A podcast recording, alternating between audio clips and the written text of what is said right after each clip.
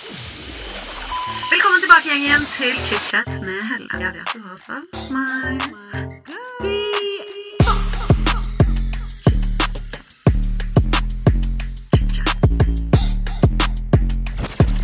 I dag får jeg besøk av Mayo, kjent fra bl.a. Paradise Hotel, Kompani Lauritzen og Sofa. Mayo forteller i dag om oppveksten sin på Stovner og om tankene hans rundt Paradise Hotel-deltakelsen i 2016.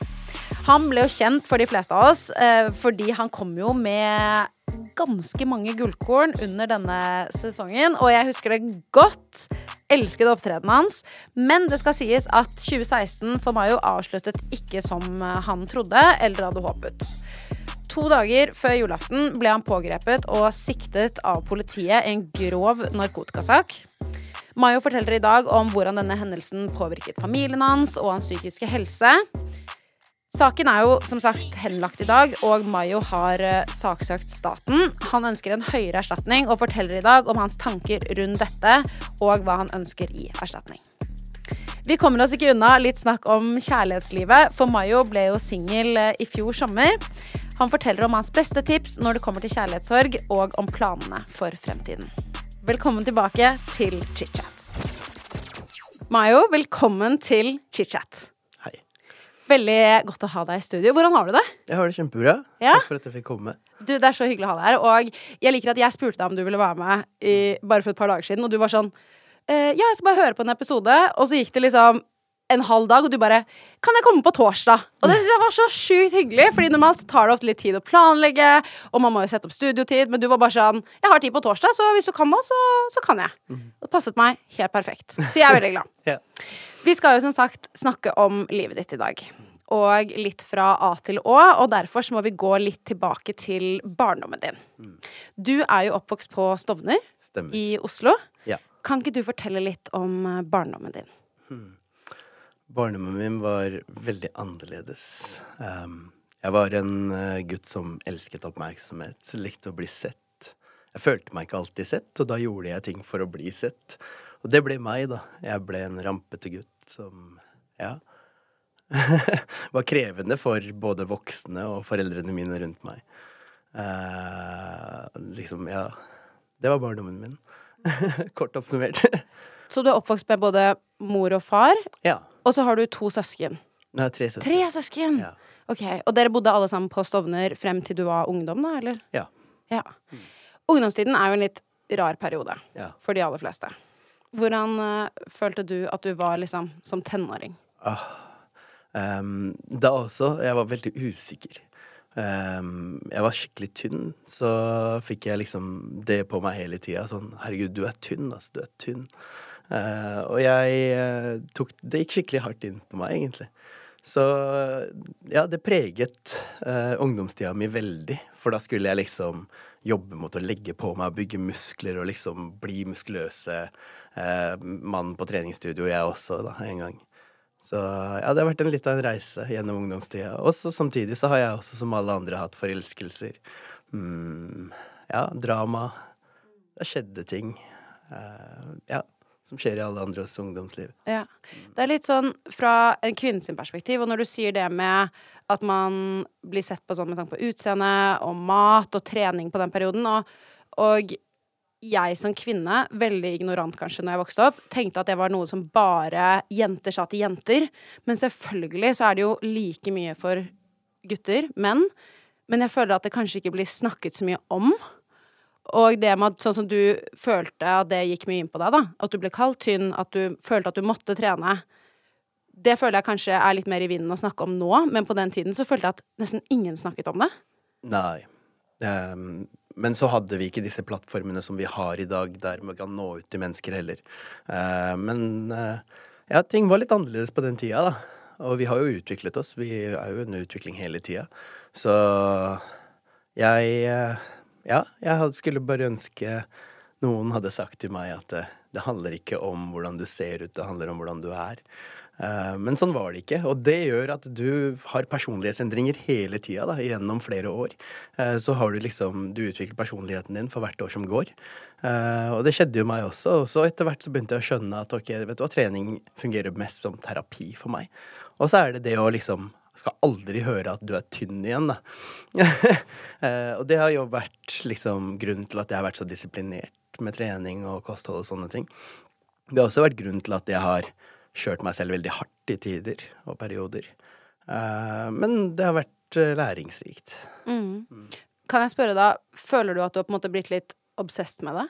På en måte, i perioder? Absolutt. Ja. Mm. Men eh, nå har jeg et sunnere forhold til det.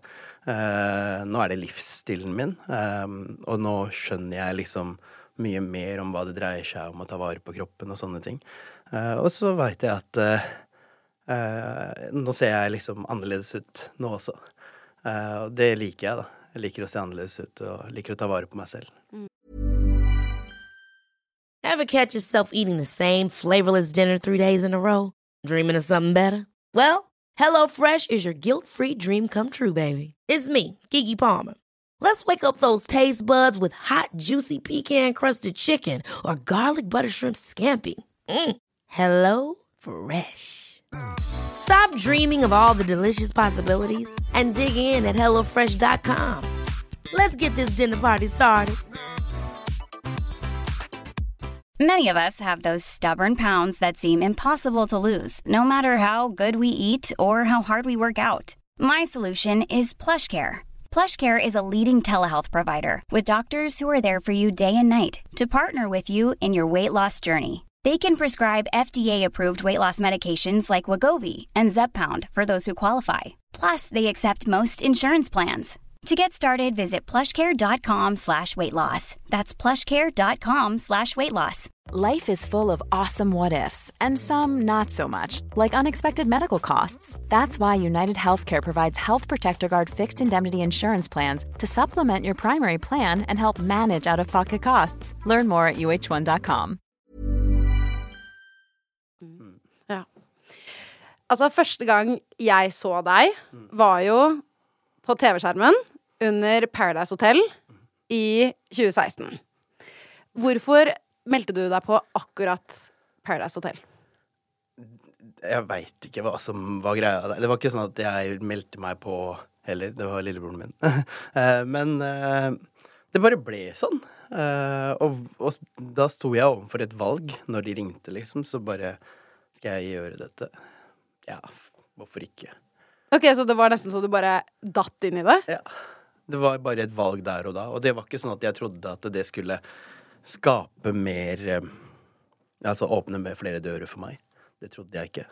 Og jeg trodde heller ikke at det skulle være grunnen til at eh, ja, eh, VG og nyhetsartikler skulle begynne å skrive om meg og sånne ting. Jeg skjønte ikke konsekvensen av det. Og jeg skjønte heller ikke hvordan jeg tok meg ut på Paradise Hotel eh, før jeg fikk se det på TV-skjermen.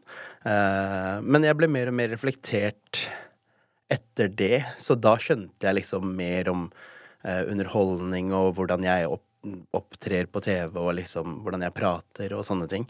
Eh, så det skapte en karakter ut av meg, da. Eh, og så var det mye lærdom å ta fra den Paradise Hotel-perioden. Uh, og skjønne også at den type TV-programmer skal jeg aldri være med på igjen. Um, ikke fordi jeg gjorde noe galt, men det er bare Det samsvarer ikke med mine prinsipper, egentlig. Ja, fordi du er jo, du er jo klippet helt lættis i den sesongen. Altså, du er jo Ja. kongen av gullkorn. Men det må jeg bare si sånn i ettertid. Nå er det jo kjempegøy, for jeg har jo noen av gullkornene dine. Og jeg syns de bare er så lættis. For eksempel Jeg ser etter en kvinne og avslutter livet med. Ja. Og det er jo litt sånn Eller livet er et lære. Man må alltid lære. Den føler jeg Det har vært så mye memes, og kanskje der og da så vet jeg ikke hva du tenkte når du kom ut og alt dette kom på TV, men nå er det jo veldig gøy. Men hva følte du liksom rett etter du kom ut fra Paradise og det kom på TV? Jeg forsto det ikke. Altså, jeg skjønte ikke hva som var greia, men så visste jeg jo hele tida at uh, norsken min har vært litt dårlig. Eh, og sånne ting, Så jeg formulerer meg litt annerledes. Uh, men det er fordi jeg ikke har hatt interesse for å lære og norskspråk og sånn. Og de rundt meg var mer sånn Faen, du skriver så mye feil, ass. Men jeg hadde jo lese- og skrivevansker, så det var ikke så mye rart, det. Men uh, sånn var det, da. Men ja, jeg har blitt litt bedre på det nå. Så, men jeg fortsetter å spytte noen gullkorn på TV, og det syns jeg er gøy, da. Ja, jeg liker å kunne få andre til å le, og hvis, samme om det er av meg eller om det er med meg. Det, de ler, og det er det viktigste. Det, er jo, det var en skikkelig fin måte å si det på, egentlig. Fordi jeg også føler jo at det, sånn som du har vært da i, Vi skal jo komme tilbake til det også senere, men uh, altså TV-dokumentaren du har hatt med Abu Altså, jeg elsker kombinasjonen av dere to. Og liksom så sier du noe, og så Alle skjønner hva du sier, og så kanskje det litt, kommer ut litt morsomt, eller Det er jo underholdning. Ja. Og det er jo det TV er, og mediebransjen er jo akkurat det. Så jeg tenker at du, du har kommet sykt bra ut av dette, og du har jo en del knallkarriere.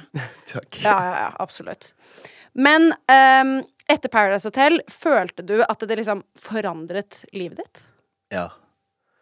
Uh, jeg fikk ikke kjent på akkurat det så veldig lenge, fordi Når var det, da? Um, Paradise rulla vel ferdig på TV i april, eller noe sånt. Og så ble jeg satt i fengsel i desember det samme året. Så i mellomperioden der så fikk jeg liksom kjent på det å være kjendis, liksom. Sånn, eh, det jeg trodde var liksom å være kjendis, da. Jeg er jo langt ifra noe kjendis, men den perioden så var jeg også litt høy på meg selv. Så jeg ble jekket ned hardt, da, eh, når jeg ble putta inn bak bur. Så det det syns jeg hjalp meg egentlig veldig mye. For da fikk jeg analysert hvordan jeg opptredde, hvordan jeg var, um, personligheten min, hvordan jeg var med mennesker. Um, tilnærmingen min til det jeg hadde opplevd, da. Jeg fikk prosessert det skikkelig. Um, og så satte jeg pris på alle mulighetene jeg fikk. Og det har gjort til at jeg setter mer pris på mulighetene jeg får nå. Og ja, min tilnærming til det, da, og hvordan jeg møter det. Og ja. Det er ganske imponerende å høre deg snakke så positivt egentlig nå, da, om den opplevelsen. For, for de som ikke vet hva det gikk ut på, så ble jo du eh, to dager før julaften i 2016 pågrepet og siktet av politiet i en grov narkotikasak. Eh, dette, denne saken ble jo henlagt fire år senere, men da hadde jo mye av skaden allerede skjedd. For du hadde annet blitt varetektsfengslet og sittet i fengsel med både brev og besøksforbud i denne perioden. Som er Jeg kan ikke se det for meg engang. Det må være utrolig heavy. Det var heavy, ass. Og det var første gang jeg gikk igjennom det og sånn, så det var også litt sånn Og det er jeg også glad for at jeg har fått oppleve, for nå vet jeg hvordan det funker. Skjønner du? Jeg har jo hørt at det, den har blitt løfta, han har blitt løfta, og sånne ting. Men da har ikke jeg skjønt hvordan den prosessen er, da. Nå fikk jeg gjennomgå det. Det er litt heftig. Men kan, altså jeg er veldig blank når det kommer til dette. Kan ikke du bare ta meg gjennom den prosessen? Oh, um, ok, først så opplever du å få et sjokk fordi de omringer deg. Politiet omringer. Eh, om du sitter i en bil, så omringer de bilen. Om du er hjemme, så omringer de leiligheten din og liksom gårdsplassen og hele greia, liksom. Og da opplever du et sjokk, da. Og det å håndtere det sjokket er også stressende. Du skjønner ikke hvorfor du er pågrepet, eller så veit du ikke hva du kanskje er pågrepet for, hvis du driver med mange ting, og liksom Det er litt sånn forskjellig. Og så blir du behandlet røft av politiet. De svarer deg ikke på ting du spør dem om, så du kan ikke ha en normal samtale med dem. De opptrer ofte aggressivt for å ha kontroll over situasjonen og sånne ting. Og det kan også være en påkjenning for deg, da, som opplever dette her for første gang. Uh, og så blir du da putta inn i uh, bilen deres og kjørt til arresten. Um, og der blir du da skrevet inn, så må du gi fra deg verdisakene dine og ditten datten og sånn. Og du kan bare tenke deg alle de følelsene og inntrykkene inn i arresten fra politibilen med håndjern på hånda, legge fra deg alle verdisakene dine, skrive deg inn, og så blir du fulgt inn til glattcella. Og på vei dit så kjører du jo hodet ditt, ikke sant. Du slutter jo ikke å tenke. Og så låser de deg inn, og så utnevner de en, eller spør de deg om du kan utnevne en advokat. Og da må du jo kunne navn på advokater du har lyst til å utnevne. Å ja, fordi For de skal forsvare deg. Ja, egentlig. selvfølgelig. Men Ja. må du, ha, du blir jo satt så on the spot, da. Ja, ja. Eh, så du må utnevne en advokat, og så, ja Dagen etter så blir det eventuelt en høring eller fengslingsmøte eller et avhør eller Ja, det avhenger Altså, det spørs hvilken dag det er, og hva saken dreier seg om, videre. Men eh, det er en heftig prosess, da. Og det er sjokk, det, for den vanlige personen på gata som aldri har opplevd det før. Ja, selvfølgelig. Hvor var det du ble kjørt til her i Oslo? Eh, Grønland. Grønland, ja. Er det Altså, jeg vet Jeg er veldig grønn på dette. Eh, da blir du satt på glattcelle. Ja. Er det på Grønland? Ja. Og så blir du tatt videre til Og så ble jeg kjørt til tingretten. Ja. Og eh, i tingretten så ble jeg først Fikk jeg fire uker i varetekt med brev- og besøksforbud. Betyr det da at du kun kan ha kommunikasjon med advokaten din? Jepp. Ingen nærkontakt av bekjente, familie. Ikke engang andre i fengselet, utenom de som sitter i den lukka avdelingen med deg. Og de har du kanskje mest sannsynlig ikke veldig lyst til å henge med? Vil jeg Nei, bare det- se jo, for meg? Jeg, Eller, ja. jeg, jeg er veldig glad for at jeg hang med de, eh, Ja. for de gjorde opplevelsen der inne positiv. Eh, for alle er i samme posisjon. Mm, selvfølgelig. Eh, og eh, vi er, mennesker fungerer sånn. Vi søker trygghet hos andre, dessverre. Eh, sånn er det. Og det var sånn for meg også der. Så jeg fikk jo et vennskap med de som var der i den perioden jeg satt der inne. Det tenkte jeg ikke over, men det er jo åpenbart, fordi det er jo bedre hvert fall å føle seg sammen om noe, enn det å være helt alene. For det å være alene, det er jo ikke menneskelig, vi er jo flokkdyr, og vi liker anerkjennelse. Så selvfølgelig må det ha føltes godt i en situasjon som må ha vært så overveldende. Absolutt. Wow. Shit. Men når du satt i varetektsfengsling Du satt der jo først i fire uker, Ja. og så ble det jo forlenget med fire uker til. Yep. Og da satt du der i tre av de fire ukene. Ja. Så du satt der totalt syv uker med, uten kontakt med familien din. Ingen kontakt med noen som helst. Jeg fikk vite jeg tror, ja, noen, samme dagen eller dagen etter at det kom inn på nyhetene. Da fikk jeg vite det fra advokaten min, liksom. Så da kjørte jeg, begynte jeg å kjøre hodet mitt enda mer, da. Fordi da var det liksom enda større bekymring om hvordan pappa og mamma takler det sosiale presset. Um, at alle veit dette her nå, og så videre. Uh, og de, de er litt gammeldagse, så de er veldig opptatt av hva andre sier, dessverre. Uh, det påvirker dem veldig, da. Uh, ja, så man kan jo bare tenke seg hvor ille det var for dem. Så nå i ettertid, når du åpenbart har snakket med de om det, hva var deres ord om situasjonen? De vil aldri oppleve det igjen, sa de. Ja, kan vi være så snille å spare oss for å måtte oppleve noe sånt igjen? Følte du på en skam overfor foreldrene dine Mm. overfor det, selv om du har blitt frikjent for det i ettertid? Eller ikke Ja, frikjent, men det har falt jeg, jeg takler det, liksom. Jeg har ikke noe problem med det, fordi jeg gir Jeg gir så F i hva andre sier. Deres meninger betyr ingenting for meg. De, om de ikke har noe å prate om, så lager de noe å prate om. Og jeg kunne ikke brydd meg mindre. Jeg har mine verdier og prinsipper, og jeg har mitt liv å deale med, liksom. Og alle har sine kamper. Eh, mens foreldrene mine påvirkes veldig av liksom slektninger og ditten datten og landsbyfolk og landsmenn og ditten datten og sånn, da. Og omdømme og rykte og sånn. Så jeg syns litt synd på dem. Eh, skulle ønske de slapp å gå gjennom det, og det mm, Det gjør litt vondt, da. Eh, at eh, Fordi den, når folk blir lei seg, eh, det er noe vondt med det. Og når du er glad i noen mennesker, og de betyr alt for deg, liksom. De er grunnen til at du lever i dag og har disse mulighetene du har, og har oppdratt deg og sånn. Og jeg ser på det som veldig fin ting. Jeg er veldig takknemlig for foreldrene mine. Og fått dem til å måtte gå gjennom noe så jævlig, det er ikke, det er ikke hyggelig. Og eh, det er det eneste jeg angrer på, at jeg var med på Paradise Hotel, da. At jeg For hadde jeg ikke vært med der, så liksom hadde det aldri blitt skrevet med bilde og sånn på VG. Da hadde det bare stått Brevdre ble arrestert, liksom, og da hadde kanskje noen av de nærmeste, kanskje familiene, fått vite det, eller noe sånt, eller venner og sånn, men det hadde ikke spredd seg så mye. Det hadde ikke blitt en så stor sak og eh, mediedekning, og det hadde ikke vært en så stor påkjenning for dem, da. Så jeg er veldig lei meg for at eh, de måtte gå gjennom det, og jeg håper jeg som barnet deres aldri må la dem oppleve noe lignende igjen. Det er jo Altså, jeg bare tenker på det selv når du sier det der med at man vet ikke hva slags Altså, når man eksponerer seg i media, som du og jeg gjør begge to, så jeg kan glemme hvor mye det kanskje påvirker de rundt meg. Med tanke på når det blir skrevet om meg, eller hvis jeg kommer i en situasjon hvordan det reflekterer da på min um, for familie. Og, og det du sa nå, bare gikk veldig inn på meg, fordi jeg bare det, Er det egoistisk av oss? Skjønner du hva jeg mener? Til en viss grad. Er det det, eller er det ikke det? Det er kanskje Jeg har et syn på det, ass. ja. Vet du hva, jeg er egoistisk. Jeg gjør akkurat som jeg vil, fordi det gir meg glede. Men så har jeg lært nå i det siste at eh, gleden min trenger ikke å skade noen andre. Så nå har jeg begynt å Og det også. eh, det var en åpenbaring for meg. Etter at jeg ble uttenkt til VG, så bestemte jeg meg for at alle nyhetssaker som skrives om meg etter dette her skal være en hyllest til et eller annet. Det skal være applauderende, liksom, nyheter. Og det her føler jeg at jeg har klart, da. For hver gang jeg har stått frem i media med noe, så har det vært en fin sak, eller stått for noe bra noe.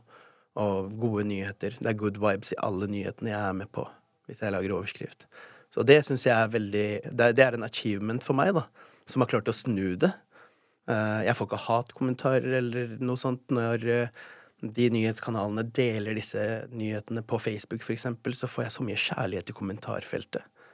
Eh, så jeg har gjort noe riktig. Jeg har klart å snu noe. Og sånn sett så har jeg mestra det, da. Og glad for at jeg har klart å gjøre det. Det betyr også at jeg har gjort noe riktig nå. For jeg har også utsatt meg for det. Skjønner du? Jeg tok et valg og har utsatt meg for det, men det trenger ikke å skade noen andre rundt meg. Og det trenger heller ikke å være noe negativt. Det kan være noe bra hele tida. Eh, og da kan alle rundt meg være glad for det. Og være stolt av hvem jeg er, og hvordan jeg tar meg ut, og hva jeg står for. Eh, så nå gjør jeg noe riktig, da, føler jeg. Nå, nå kan foreldrene mine være stolt av nyhetene som blir skrevet om meg. Kontra måtte de være lei seg da, ikke sant. Men det trenger de ikke å være nå lenger. Så ja, føler jeg har snudd det. Det var fint. Og det har du absolutt fått til. Så sjukt bra. Men jeg må bare eh, spørre siste spørsmål når det kommer til det med mm, den eh, opplevelsen du hadde med anklagelsen mot deg, eh, som ble henlagt. Hvordan påvirket den situasjonen deg psykisk? Um, jeg trodde at jeg var ferdig, liksom. Ja, jeg trodde ikke at det ville åpne seg en dør for meg igjen, og liksom Jeg trengte det var over og ut. Den karrieren og liksom alt det jeg fikk oppleve, det er ferdig. Så jeg begynte liksom mentalt forberede meg på å leve det vanlige livet igjen, da. I liksom uh, Uten å være i media så ykkelig, så liksom sånne ting. Uh, og det var jo Jeg var jo, hadde jo forelsket meg på den tiden. Så jeg hadde en fin kjæreste som støttet meg gjennom den perioden. Og så hadde jeg fått Abu som venn. Eh, og så sto vi familien sammen. Det var, det var tøft. Men vi holdt oss sammen, og liksom vi støttet hverandre under økonomiske press og ditten datten og sånn. Og det, det, har formet oss også, da, som en familie. Det har liksom Båndet vårt har blitt mye sterkere på grunn av det vi har gått igjennom. Og det er jeg glad for, fordi jeg veit at jo eldre man blir, jo distansert forhold får man til familien, fordi folk flytter ut, og folk blir opptatt med sitt og sånne ting. Og det båndet som da dannes før det skjer, hvis det er sterkt nok, så kan det holde hardt ganske mange år i fremover. Og det er jeg glad for, fordi jeg vil ha tett bånd med søsknene mine og foreldrene mine og sånn, uansett om vi liksom lever hver vårt, da. Eh, så sånn sett så er jeg glad for at ja, det kom noe positivt ut av det også. Mm. Mm. Jeg liker at du er så positiv. Jeg føler at du er litt sånn klare å forandre noe som var så alvorlig og så vanskelig. Nå er det jo åpenbart mange år, og dette har jo åpenbart også tatt tid og hjelp av familie og venner, men, men eh, ja, nei, det er, det er, deilig å høre på. Det er motiverende for min del, føler jeg. For jeg kan gå veldig i bølgedaler, og jeg kan ha ekstremt tung sinn i perioder. Og det er derfor jeg ofte spør om liksom, det psykiske aspektet, Absolutt. hvor mennesker står i utfordrende situasjoner, da, og hvordan folk takler det. Fordi det er alltid en vei ut. Mm. Og i hvert fall når jeg var litt yngre, så følte jeg at det ikke var en vei ut, kanskje. Man klarer ikke å se alternativene. Man ser bare det negative, da, hele tiden. Uh, men det uh, Sånn var jo jeg også, men man, jeg lærte å se på ting som inspirerer meg. Um, se på videoer som spirituelle videoer på YouTube osv. Uh, jeg har noen rollemodeller og forbilder der. Uh, og det gjør noe med synet mitt til ting. Hvordan jeg ser på livet mitt og opplevelsene mine, men også fremtiden min og menneskene rundt meg, hvordan jeg verdsetter alle sammen. Det gjør noe med mennesker på hva de inspireres av og henter um, ja, uh, energi fra. da. Mm. Mm, absolutt. Mm. Altså, en gladsak da med tanke på det her er jo at i mars i fjor så ble det jo kjent at du skulle få 140 000 kroner i oppreisning og erstatning fra staten. Mm. Men du har jo saksøkt staten. Mm. Eh, for du mener du har krav på mer penger. Så i slutten av februar, faktisk akkurat nå om ja, litt over en måned, ja. så er det satt av to dager til rettsmøte i Oslo tingrett. Mm. Hva håper du at du skal få ut av de rettsmøtene? Først og fremst rettferdighet.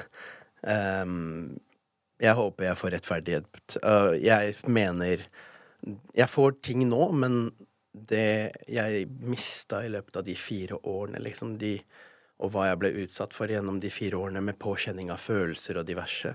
Eh, og hvilke muligheter jeg kanskje kunne fått i løpet av de fire årene. Alt det ble forskyvet.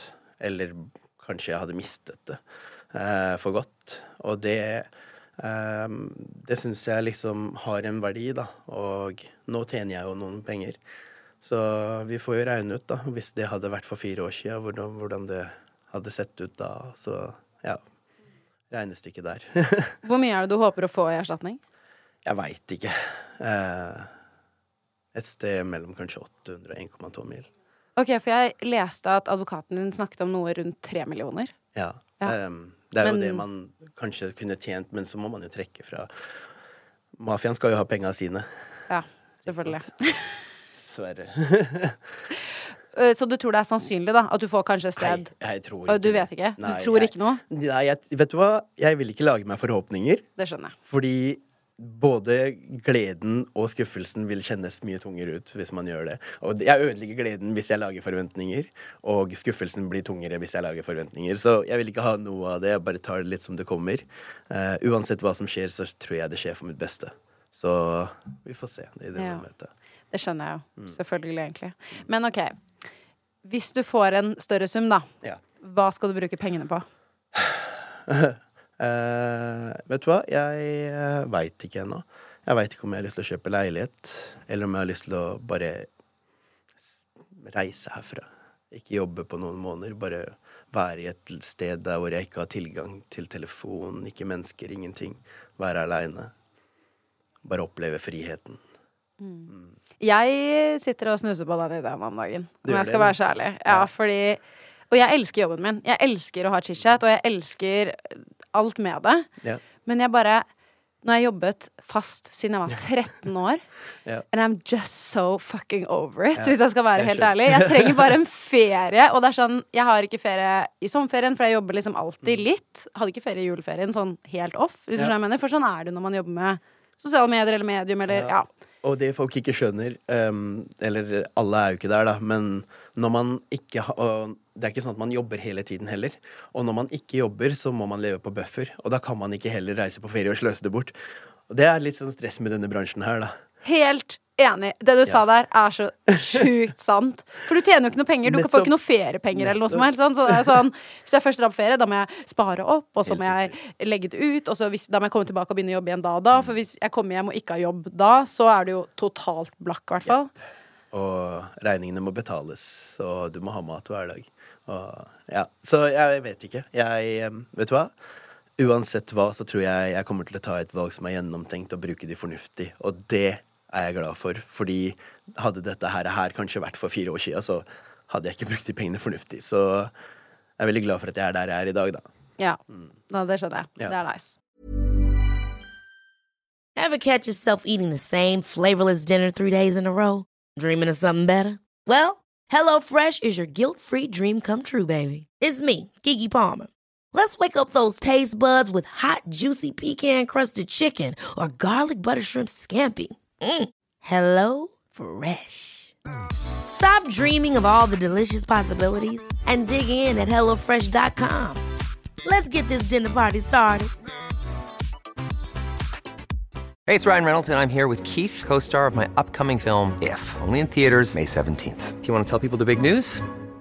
All right, I'll do it. Sign up now and you'll get unlimited for $15 a month in six months of Paramount Plus Essential Plan on us. Mintmobile.com slash switch. Upfront payment of $45 equivalent to $15 per month. Unlimited over 40 gigabytes per month. Face lower speeds. Videos at 480p. Active Mint customers by 531.24 get six months of Paramount Plus Essential Plan. Auto renews after six months. Offer ends May 31st, 2024. Separate Paramount Plus registration required. Terms and conditions apply if rated PG. One size fits all seems like a good idea for clothes until you try them on. Same goes for healthcare. That's why United Healthcare offers flexible, budget friendly coverage for medical, vision, dental, and more. Learn more at uh1.com. Du har jo vært mye på TV de siste årene. Blant annet Kompani Lauritzen og Sofa, samt at du har hatt din egen dokumentarserie Abu og Mayos Norge. Og jeg syns det er så lættis å se på deg og Abu på tur! Jeg syns det er så jævlig gøy! For jeg føler at liksom Dere er så god miks, for Abu er liksom den derre veldig rett på, litt sånn hard, hvis du skjønner hva jeg mener. Og så er du litt sånn dette går fint. Vi tar det rolig. Jeg hjelper deg. Vi er her sammen, liksom. Han er sånn Faen også, så litt sånn hard og Nei, Jeg syns dere er så en jævlig god miks. Men hvordan har det vært å reise rundt med Abu? Nei, det Vet du hva? Det er så koselig. Altså, jeg kunne jobbet med det hver dag. Uh, men det er fordi jeg er veldig opptatt av at jeg skal være rundt mennesker jeg liker å være rundt. Um, så jeg unngår å liksom gå til steder der jeg ikke vil være, der jeg ikke kjenner mennesker osv. Og, så og jeg er jo glad i Abu. Uh, jeg elsker han. Og eh, å bare få være med han syns jeg er koselig. Uh, og hvis vi får jobbe sammen, så finnes det ikke noe bedre, liksom. Så jeg setter, jeg setter skikkelig pris på den opplevelsen. Det var skikkelig koselig. Når var det dere først møttes, egentlig? Han sendte meg en melding på Facebook i 2016. Oh my god, jeg elsker det. Det er så original uh, communication. Altså en liten melding på Facebook. Facebook. det var lang, det var lang melding. Oi, hvorfor det? Eller hva skrev han? Um, Abu uh, hadde jo nesten dødd i 2015 desember. Eh, så han ville ha livsstilsendring og hjelp til å eh, lære å trene og gå ned i vekt og liksom få livet på rett kjør igjen. Da. Så han skrev en veldig dyp melding. At han har to døtre og liksom ditten datten. Og, så. og det, det traff meg, ass. Det er ikke veldig ofte og, og igjen da også så skjønte jeg ikke det med at eh, man, man skal ikke svare på alles meldinger osv. Men jeg fulgte Abu på Instagram. Eh, Så da var det litt lettere for meg å føle på det, da. Eh, For man får jo mange sånne meldinger på innboksen uansett. Men akkurat det var fordi det var han, kanskje, så svarte jeg og bare OK, vet du hva, jeg skal trene klokken fire i dag. Så hvis du er gira på å bli med, så ses vi på Sats. Eh, og så sa jeg vi tar det derfra. Vi tar ikke noe endelig beslutning nå. Liksom, vi prøver å se om vi har viben, for det, er så- det er så viktig for meg. Jeg gidder ikke å henge med mennesker og bruke tid med mennesker som jeg ikke uh, trives med å være rundt. Uh, det er, hvorfor skal jeg utsette meg for det? Jeg vil ha positiv energi og bra energi rundt meg, og være med mennesker som får meg til å trives og være rundt dem, da.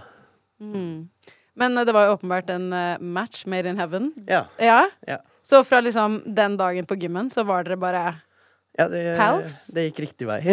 Herregud, så sjukt hyggelig. Men det var litt sånn koselig, for jeg føler at det, um, hvis man er ny et sted, eller syns at man liksom står over et uh, Kanskje et ja, dilemma i livet, man ser litt opp til noen, at man faktisk tør å sende meldingen og får det svaret. For jeg føler ofte at hvis man er for eksempel ny i en by, da, eller du har begynt å studere et sted, så er det vanskelig å få venner. Det å få venner i voksen alder, og også i ja, tidlig voksenlivet, kan være ganske vanskelig og ganske skummelt, syns jeg. Så jeg liker historier som dette. Mm. Og at du svarte og var sånn OK, bare bli med på gymmen. Ikke gjør det så seriøst. Mm. Hadde dere aldri møttes igjen, så hadde det i hvert fall vært en hyggelig tur på gymmen. på en måte Men jeg, det, det, jeg hører Abu si det veldig ofte, og det setter jeg skikkelig pris på, fordi han bare eh, Å ja, treningen med Mayo, det er fordi jeg har det gøy med han. Han er ikke PT. Han pusher meg ikke, han ber meg ikke gjøre ubehagelige ting. Og ting som gjør meg vondt. Han bare Vi har det gøy på gymmet. Og det er min metode, da. Jeg snakker, jeg snakker med kjærlighet. Jeg, det, jeg mener at eh, hvis du snakker med kjærlighet, så, klarer, så er de folk med deg. Men hvis du skal prøve å manipulere dem og ditten datten, så mister du dem, liksom. Og pusher folk til å gjøre ting de ikke trives med å gjøre, og sånn, det er ubehagelig. Og jeg vil ikke være han. Nei, og det er jo ikke motiverende i lengden. Nei. I det hele Nei. tatt. Og det er ikke målet mitt heller. Jeg vil at du skal kose deg med det du gjør, fordi det er mitt livsmotto. Jeg skal nyte alt jeg gjør, liksom. Jeg skal kose meg. Trening gir meg noe, liksom. Og det burde gi deg òg. Hvis ikke burde du finne noe annet som gir deg noe. Ja, det er nydelig. Men litt med tanke da på dokumentarserien, så har jo TV 2 blitt anklaget for plagiat av produksjonsselskapet Lucky View. Fordi de mener at deres serie er skremmende lik YouTube-serien eh, fra 2020, eh, 2020, Safari på safari. Og de mener at deres program er kopiert store, store deler av det konseptet. Hva tenker du om den anklagen?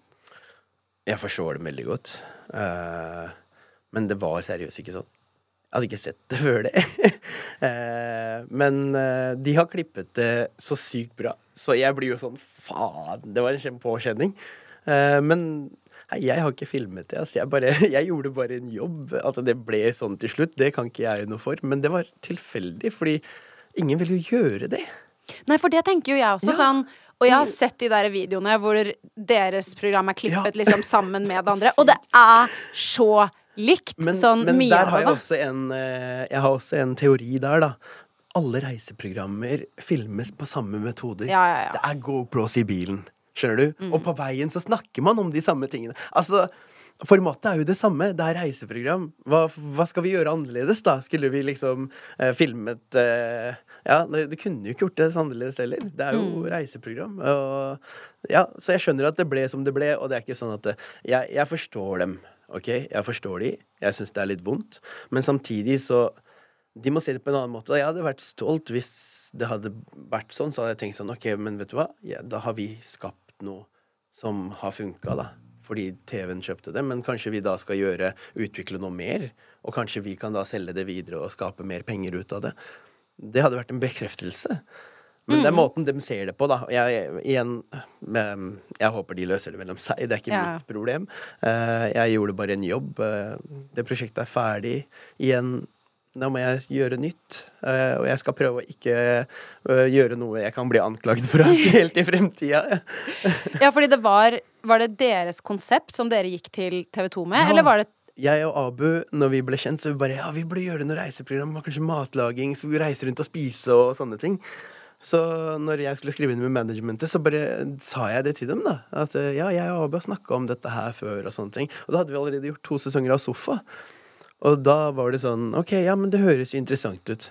Så begynte det å skje utvikling. Og så henta de inn litt folk, og de utviklet det videre, og så videre. Så det Altså, da hadde ikke mange trengt å bruke så mange timer på kontoret hvis det skulle kopieres. Men det var, det, er, det var seriøst ikke sånn, så eh, kjipt. Men eh, vet du hva? Noe dårlig PR OK, same shit. Ja. Det har blitt sendt, og det er ferdig nå, liksom. Så Ja. livet går videre. Livet går videre. Ja. Absolutt. Får vi se deg noe nytt på TV i året som kommer? Jeg er jo med på sofa nå. Ja, sant det! Så, Selvfølgelig. Ja, frem til mars i hvert fall. Uh, og etter det vet jeg ikke. Jeg har ingenting på agendaen nå. Um, men man vet jo aldri, da, i den bransjen her. Det kommer plutselig noe. Ja. ja, det kommer plutselig. Og så, ja. Gøy å se hva som skjer videre. Ja. Men vi må snakke litt om kjærlighetslivet Ja. også. Du ble jo singel i fjor sommer. Og rett før du eh, gikk gjennom det bruddet, så begynte du å gå til psykolog, fortalte du til Nettavisen. Som du sa i intervjuet, så fikk psykologene til å forstå at det var noe i forholdet som måtte forandres, og at du ønsket da til slutt å gå ut av det forholdet. Tror du at du hadde kommet til den samme konklusjonen uten psykologen? Jeg veit ikke. Kanskje det har vært vanskeligere å ta beslutningen. Um, det som er um, Man klarer ikke å åpne seg og prate til alle. Og um, av og til så skjønner man ikke ting selv, hva man går igjennom. Fordi du går igjennom det, så klarer du ikke å prosessere det. Du forstår ikke Du klarer ikke å se det fra andres perspektiv.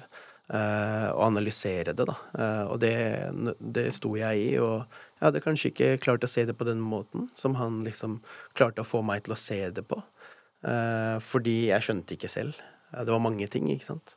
Eh, men ja. jeg, tror, jeg tror hvis du ikke har gode venner eller ja, som du føler deg trygg på, som kan gi deg gode råd, så snakk i hvert fall med en psykolog. Nei, altså, grunnen til at jeg egentlig spør, er bare fordi jeg gjorde akkurat det samme når jeg gikk gjennom min skilsmisse for mm, flere år siden nå. Men da husker jeg at jeg var sånn Det er så vanskelig når man ofte står i en situasjon og se, være klarsynt, eller klarsynt, kan man si det, men at man ser liksom Man ser flere perspektiv. Ja, og det er så vanskelig, syns jeg, da, når jeg står midt oppi det. Jeg føler noen ganger at jeg bare står i en tåke. Jeg klarer ikke å se et meter foran meg selv engang. Men et par måneder frem i tid så kan jeg se bakover og være sånn Det var så Ja, åpenbart. Mm. Så, så det å gå til en terapeut eller en psykolog for min del var helt avgjørende for min skilsmisse. Ja. Og det var jo hun som ikke sa til meg Hun sa jo aldri 'du burde gjøre dette og dette', Mm. men hun var sånn nå har du fortalt meg om den samme situasjonen syv ganger, som har skjedd syv forskjellige Hun bare Nå går du jo i en runddans her. Hva, hva tenker vi om det, Helle? Ja, fordi de klarer å be belist bevisstgjøre deg og belyse deg mønster. Ikke sant? Um, og når man begynner å se mønster, så kan man begynne å se ting fra forskjellige perspektiv. Og det å bevisstgjøre den biten for deg, der trenger du en person du ærlig deler ting med, men som også tar til seg ting du forteller den. Du trenger en som lytter til deg. Eh, vennene dine kan plutselig begynne å sitte på telefonen sin hvis du pr skal prate med dem, eller ha andre tanker osv. Eh, og ikke kanskje lytte til deg. og Kanskje de ikke kan da belyse deg for hva du står overfor. Eh, og du kanskje tar ikke det vennen din forteller deg, seriøst nok. Det skjer veldig ofte. Veldig ofte. Mm. Eh, og eh, du tenker ja, men den sier det på grunn av Du, du finner på unnskyldninger. For at Mm. vennen din er støttende overfor deg, så lager du deg unnskyldninger fordi du er manipulert. og det Ja, eh, de tingene der gjør du ikke med psykologen, da, for der har du liksom tillit og ditt Altså, det er litt annerledes fordi du går i, til et menneske i en rolle som gjør en jobb. Absolutt. Ja, og den lytter. Og så føler jeg ofte at vennene, vennen din har vært der hele tiden. Så den har jo sett oppturer og nedturer, kommer alltid til å ha sitt eget perspektiv. Og så tar man jo veldig ofte utgangspunkt i sitt eget liv. Så man er jo sånn Hvis vennen din er midt i en kjip situasjon, så kommer du mest sannsynlig til å få et litt kjipt svar, kanskje. For det er vanskelig for venner å være objektive også. Ja, ja, men så er det også Altså, nå, man må jo aldri judge, da, fordi Det fins veldig mange mennesker som klarer å liksom se ting fra nøytralt perspektiv og være eh, nøytralstilte og sånne ting, og ikke være dens rolle, fordi som venn så har den en rolle, og den kan kanskje være fellesvenn med både deg og typen eller mannen, osv. Eh, og det er noen men men mennesker som klarer å gå ut av de rollene og være nøytrale og prate osv. Man skal ikke undervurdere hvor avansert mennesker er, altså. Men eh, jeg bare vet at eh, veldig mange klarer ikke det. Veldig mange tenker ikke avansert nok om andres problemstillinger. De lytter ikke til deg på samme måte. Men det gjør psykologen. I etterkant av bruddet så florerte det jo med utroskapsrykter. Eh, og for eksempel på Jodel så var det jo veldig mye av dette, og du gikk jo ekstremt hardt ut mot disse og fortalte at det ikke var sant. Men jeg må bare da spørre, er du en person som blir påvirket av sånne rykter, eller er du en av de som lar det prelle litt av? Vet du hva? hadde, jeg, hadde det bare vært meg, så hadde jeg ikke brydd meg. Det er bare Det er en jente innblanda i dette her. Eh, og vet du hva? Hun plages veldig av at andre fremstiller som om det ble slutt fordi jeg har vært utro. Har jeg vært utro? Så hun begynte å stille meg de spørsmålene. da, eh, og sånne ting, og så så jeg hvordan de plaget henne, og sånne ting, og da var det sånn Det var litt ubehagelig for meg, fordi jeg vil at det skal være et positivt minne. Vi har hatt en fase av livet mitt sammen, eh, og jeg vil ta med meg de fine minnene derfra. eh, De fine opplevelsene og sånne ting, fordi det har også formet meg videre som menneske. Eh, Så jeg tar med meg de fine erfaringene fra det forholdet. Og disse typer ryktene her ødelegger det. Ikke sant? Jeg vil ikke at jeg skal være en kjip historie eller kjip eks overfor henne. Og hun dealer jo med sitt fra før. Hvorfor skal det påføres? Og så tenker jeg sånn Vet du hva, jeg vil si det. Hvorfor skal jeg bare kjenne på det? Så jeg sier det, hva som faktisk plager meg med det. Det er ikke det at eh, jeg bryr meg ikke. Dere må gjerne si hva dere vil. Om jeg så var utro, så er det mitt problem. Så må jeg lære av det, da. Men det var ikke tilfellet, og når jeg sier det, så ikke, ikke dann historier som ikke fins der ute. Eh, men igjen så bryr ikke jeg meg personlig, men jeg bryr meg om at det kan plage andre. Eh, på samme måte som nyheter om familien, eller som fremstiller meg dårlig, påvirker familien. Så fremstiller dette her, her plager det noen andre. Og det plager meg. Jeg liker ikke at det mennesker jeg bryr meg om, plages. Nei, det tror jeg de aller fleste kan kjenne seg igjen i. Og spesielt hvis man også har hatt et ganske ukomplisert brudd. Nå vet ikke jeg hva dere gikk gjennom, men hvis man har på en måte vært sånn OK, vi har gått fra hverandre, prøvd å gjøre det, da, så greit det kan gjøres. Og så i ettertid skal det komme en storm av mennesker som lager kvalm av ingenting, på en måte. Jeg forstår at det må ha vært ekstremt frustrerende. Ja, det Igjen, jeg, jeg tenker sånn Det er bare at folk vil prate, så må de få lov til det, liksom. Så det er bare Jeg kunne ikke brydd meg mindre, fordi jeg veit hva som er sant. Og jeg, du kan komme og stille personer foran meg og konfrontere meg. Sånn tenker jeg om alt i livet. Jeg snakker rett ut og ærlig, og er ærlig om hva jeg gjør og går igjennom. Og da kan ikke jeg bli konfrontert noen gang. Ingen kan komme og sette en pekefinger på meg og si Hei, er det her sant? Jeg kan bevise at det ikke er sant. Eller at det er sant hver gang. Og det har vært en sånn viktig greie for meg. Jeg tror det er sånn greie man har med seg fra barndommen. da. Så var det alltid sånn på Stovner. Var det sånn Hei, er det sant at han sa det, eller? Og det har liksom vokst i meg, og så har jeg blitt sånn, vet du hva? Hvis noen skal konfrontere meg med noe, eller ta meg på noe, så skal det ikke være mulighet for det. Jeg skal alltid vinne. Ja, det har bare blitt en sånn greie. Mm, men ærlighet varer Ja, lengst. ja. Alltid. Men altså, det å gå gjennom et brudd, det kan vel alle nesten relatere til. Hva vil du si er ditt beste tips for å komme seg gjennom kjærlighetssorg? Oh. Faktisk kjenne på det. Ikke ikke ødelegge den relasjonen. For veldig mange krangler så mye etterpå eh, og ødelegger enda mer enn de trenger å ødelegge. Vær litt aleine. Tenk. Ta deg tid. Eh, ikke begynne å liksom Jeg skulle ønske noen fortalte meg det tidlig i 20-årene og sånn. Ikke bruk masse tid på å feste og sånn, liksom. Fordi det er falsk glede. Det er ikke den sanne gleden. Den sanne gleden ligger i det som gir deg glede, så du har det behagelig i livet ditt. Ikke der det ser ut som om du har det behagelig på sosiale medier. Eh, og det skjønte ikke jeg i ung alder, da, men det skulle jeg likt å vite. For det gjorde jeg annerledes nå. Når jeg gikk gjennom et brudd. Nå flytta jeg endelig for meg selv og fikk et sted å være og kunne være for meg selv og prosessere hva jeg gikk gjennom, og også jobbe med hva jeg vil videre, og liksom sånne ting. Og tørre å stå litt i det, på en måte, istedenfor å liksom rømme Ikke, litt. ikke Ja. Ikke rush prosessen. For det er en viktig fase. Det er en fase der du utvikler deg, tar med deg de tingene du lærte fra det forrige forholdet du var i, og inn mot det nye, eventuelt. Eller videre i livet ditt. Så du må prosessere det, du må ta det til deg. Det er en erfaring. Du er en erfaring rikere. Ta det til deg, lær av det, og ikke forhast deg, fordi når du forhaster deg også, så klarer du ikke å se alt. Bruk tid. Eh, når man bruker tid, så ser man ting mye tydeligere. Og hvis man um, drar ut en prosess, så klarer man å analysere ting, sånn som du sa i stad, sånn seks måneder etterpå så klarte jeg å se ting, men ikke da jeg sto i det. Så det er akkurat det samme her òg. Det var, det var Jeg trodde ikke at du skulle si det, for å være helt ærlig, og det er et skikkelig godt tips, fordi jeg hører at som oftest så er man alltid sånn um, Få deg en hobby, begynn å trene, altså. Tid leger alle sår. Men litt det der med å stå i sorgen litt. Kjenn litt på det, for den er ikke skummel. Ja. Om du ikke har sorg også. Altså, Ja. Det er ikke sånn at alle har sorg. Spesielt veldig ofte så er ikke gutten så lei seg med en gang hvis det er han som slår opp. Uh, jenta kjenner på det med en gang. Så kommer gutten snikende tilbake etter seks måneder når jenta har gått videre. Herregud, vi alle Vi alle har hatt en gutt som Skjønner kommer krypende tilbake. Så det er, sånn, det er ikke alle som er lei seg heller. Um, men det er derfor det er viktig å bare være aleine. Ja. Bare vær aleine. Skjønn, forstå, ta det til deg. Bare prosesser det. Ta til deg hva du har gått gjennom, hva du har utsatt deg for, hva som skjedde. Eh, for du klarer å se ting, uansett om du er lei deg eller ikke. Eh, greia Når du er lei deg, så ser du jo mye på sånn triste videoer og liksom eh, triste quotes og sånn, da, og bygger deg opp på den måten. Blir veldig poetisk, sånn som jeg gjør. eh, mens eh, hvis du liksom er litt mer på andre sida, så drar du ofte ut og sånne ting.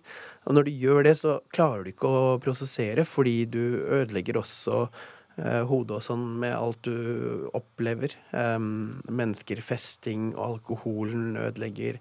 Og det utsetter også prosessen, så kanskje du ikke klarer å se alt. Det her er så sant. For jeg, jeg er den personen som gjør det. At. Men altså, jeg tror mange kan kjenne seg igjen i det. At man går gjennom en vanskelig periode, og istedenfor å faktisk face det, så kan man liksom være sånn Å, jeg bare går ut med jentene. Ta meg en drink, Døyve sorgene. Men da setter jeg jo bare problemet på pause. Ja. Så, så det er et veldig godt tips. Livsmotto. Absolutt. Men hvordan går det med kjærligheten i dag, da? Nei, vet du hva, jeg, jeg, jeg, kan, jeg kan ikke prioritere det i dag. Ingenting? Nei, jeg kan ikke prioritere det i dag. For prioriterer jeg kjærligheten i dag, så kommer jeg til å Jeg veit hvem jeg er i, eh, i et forhold, um, og derfor så kommer jeg til å prioritere feil. Jeg kommer til å prioritere et annet menneske overfor mine egne uh, behov akkurat nå. Og det vil jeg ikke utsette meg for akkurat nå. Jeg vil være den jeg er som kjæreste, men jeg tar det når jeg er i posisjon til å kunne forsørge, til å kunne få barn og ditt og datt. Så når jeg, når jeg kan komme dit Jeg er ikke der. Jeg er fortsatt i en etablerende fase. Karrieren min har akkurat liksom skutt i fart igjen. Um, jeg vil tjene penger, jeg vil etablere meg, jeg vil ha stabilitet. Um, og så kan jeg ta og se hvem som eventuelt vil passe inn i det livet. Eventuelt hvem som kan utfordre meg. Uh, matche meg mentalt. Um, som jeg finner roen med. Som jeg kan reise med. Som Ja. Ja. Jeg syns det er veldig Jeg synes det er veldig voksent av deg. Fordi du liksom er veldig reflektert rundt det her. Jeg hadde jo gått, hadde jeg gått gjennom et brudd nå, så hadde jeg drukket meg drita og sittet på en Tinder, liksom. Og det er bare det dummeste man kan gjøre. Men er ikke det også et problem? Merker ikke du det? Det er sånn, Folk vil jo bare matche med deg hvis du er på Tinder fordi du er du. Heller, liksom. Å ja. Eh, det har jeg ikke tenkt på. Ja, det tenker jeg ofte på. Så tenker jeg sånn De kommer bare til å screenshotte Tinder-profilen min. Jeg har ikke Tinder, da, men de kommer til å screenshotte Tinder-profilen min hvis jeg skaffer meg det, og sende det rundt. Og bare her, se hvem jeg matcha med, og samtalene. Og sånne ting. Det er sånn Vil jeg det? Vil jeg ha den type oppmerksomhet? Trenger jeg ikke Jeg vil heller møte mennesker personlig eh, og ha Ja, og ikke ha det derre der. De sporene etter meg og alt det derre der. Ja, selvfølgelig. Dette gir så mye mening. Og selvfølgelig vil man jo ikke det. Nå bare tenkte jeg på vennene mine sine tider. Nå, jeg, nå er det veldig mange år siden jeg har hatt det selv, for jeg har vært i forhold lenge. Men eh, vi gjorde jo akkurat det. Kom det opp en eller annen sånn offentlig person, så screenshotet vi den og sendte det rundt. Det er jo akkurat det man gjør. Ja. Så det, det stemmer jo det. Men det betyr at du altså ikke er på datingapper. Nei. Nei. Og du dater heller ingen, da. Nei. Nei. Men jeg syns det er sunt å bare fokus på seg selv, Mm. karriere, hva du ønsker.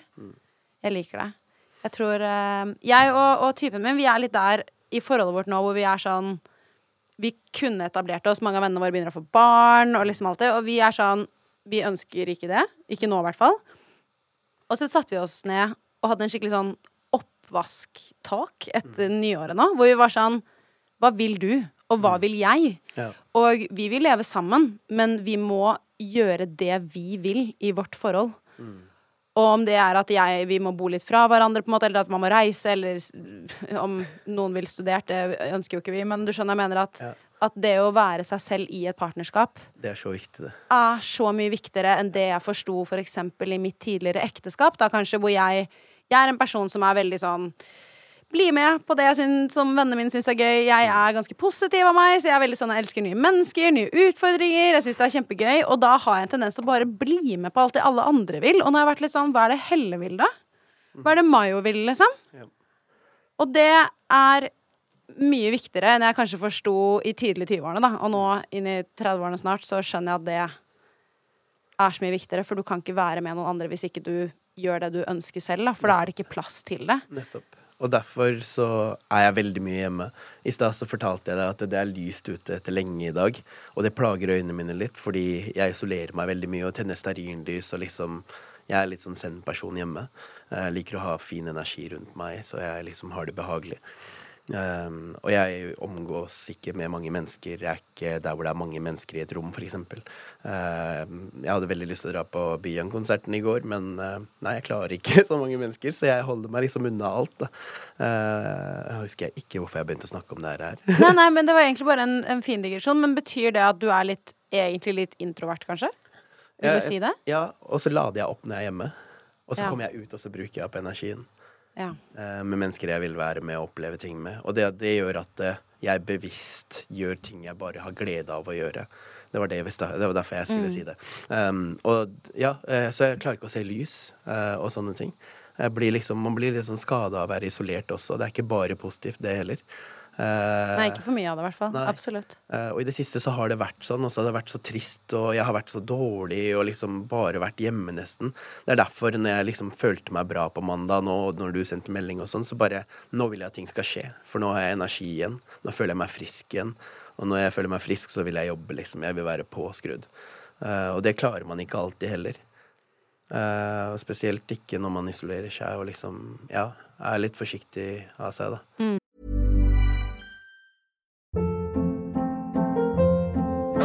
Hold up. What was that? Boring. No flavor. That was as bad as those leftovers you ate all week. Kiki Palmer here, and it's time to say hello to something fresh and guilt-free. Hello Fresh. Jazz up dinner with pecan-crusted chicken or garlic butter shrimp scampi. Now that's music to my mouth. Hello Fresh. Let's get this dinner party started. Discover all the delicious possibilities at hellofresh.com.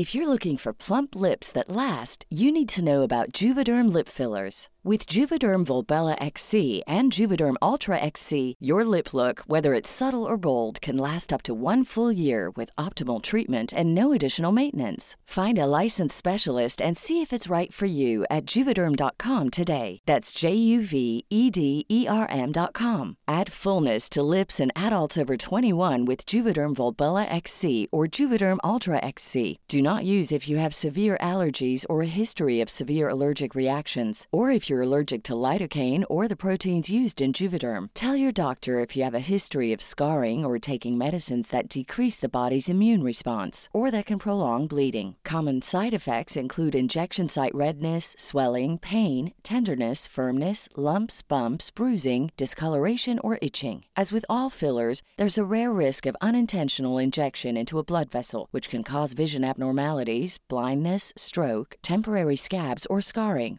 For full important safety information, visit juvederm.com. Men eh, det med å være ute og bruke opp energien sin, det kan jeg kjenne meg så sykt igjen i. Og jeg har så mange venner som er veldig ekstroverte. Og de får energi av å henge med mye, mye mennesker og masse impulser. Mens jeg kan være litt omvendte. Jeg kan være ekstremt utadvendt, og jeg kan snakke med alle, men da jeg må gå i hi. Altså, jeg- må chille, liksom, etter det. Ja, jeg forstår det. Jeg er også sånne. Men det er noen mennesker jeg er med som jeg bare merker er energipåfyll. Så da klarer jeg å være den jeg er når jeg er energisk. Det er veldig få mennesker. Du må finne de gode menneskene og være med, oftere med de, da. Eh, men du blir jo sliten av dem også til slutt, til et punkt, liksom. Men det er bare noen som bare De gir deg litt energipåfyll. Det er ikke sånn at du, du De kan du reise på tur med, for eksempel. Skjønner du? Veldig smart. Ja, ja. ja. Uh, du må finne deg de vennene. hvem du fungerer med, og hvem som gir deg energi, og ikke bare spiser opp energien din. Uh, for det er da du trenger påfyll. ja. Det er jo selvfølgelig veldig sant. Og eh, det å velge venner som gir deg energi, er så viktig. Og løfter Eh, ja. opp og ikke er sjalu. Og, ja. Jeg tror alle kan kjenne seg igjen at de har hatt en venn som er mer draining enn eh, det er giving i lengden. Det er viktig. Men avslutningsvis må jeg spørre deg. Har du noen mål eller noe du ønsker å oppnå i 2023? Jeg har lyst til å ha stabil inntekt. Uh, nå har jeg tatt en sjanse og sluttet i den faste jobben min og satser 100% på underholdning og liksom det her. her. Så jeg håper jeg får noe som kan gi meg en stabil inntekt eh, for året i år. Så er jeg trygg. Eh, jeg trenger bare å kunne betale regningene mine i år. Så tar jeg neste år neste år, liksom. Jeg, tar, jeg trenger ikke å planlegge langt, og jeg vet ikke hvor dette her skal føre meg, du vet. Jeg er på en reise. eh, den er veldig spennende, og jeg nyter det. Og jeg prosesserer alt jeg går igjennom. Jeg har det bra.